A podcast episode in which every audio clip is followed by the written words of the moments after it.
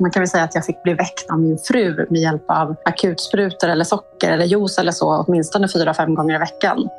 Jag skulle vilja påstå att det nästan är konstigt att inte fler får eh, typ 2-diabetes. Och det är absolut inte så att man har dålig karaktär för att man får typ 2-diabetes. Det, det, det har inte med det att göra. Det ser väldigt bra ut. Vaccinet skyddar både emot infektionen och emot diabetes. Du dör mindre och du får mindre hjärtsvikt. Så det är helt fantastiskt. Så det är inte superlångt borta trots allt. Nej, ett botemedel mot Ja. typ diabetes alltså. Diabeteslabbet, en podd från Svenska Diabetesförbundet. Jag heter Maja Lundbäck och i den här podden kommer jag att dyka in hos forskarna i deras labb för att ta reda på vad de jobbar med just nu som kan göra livet bättre för människor med diabetes.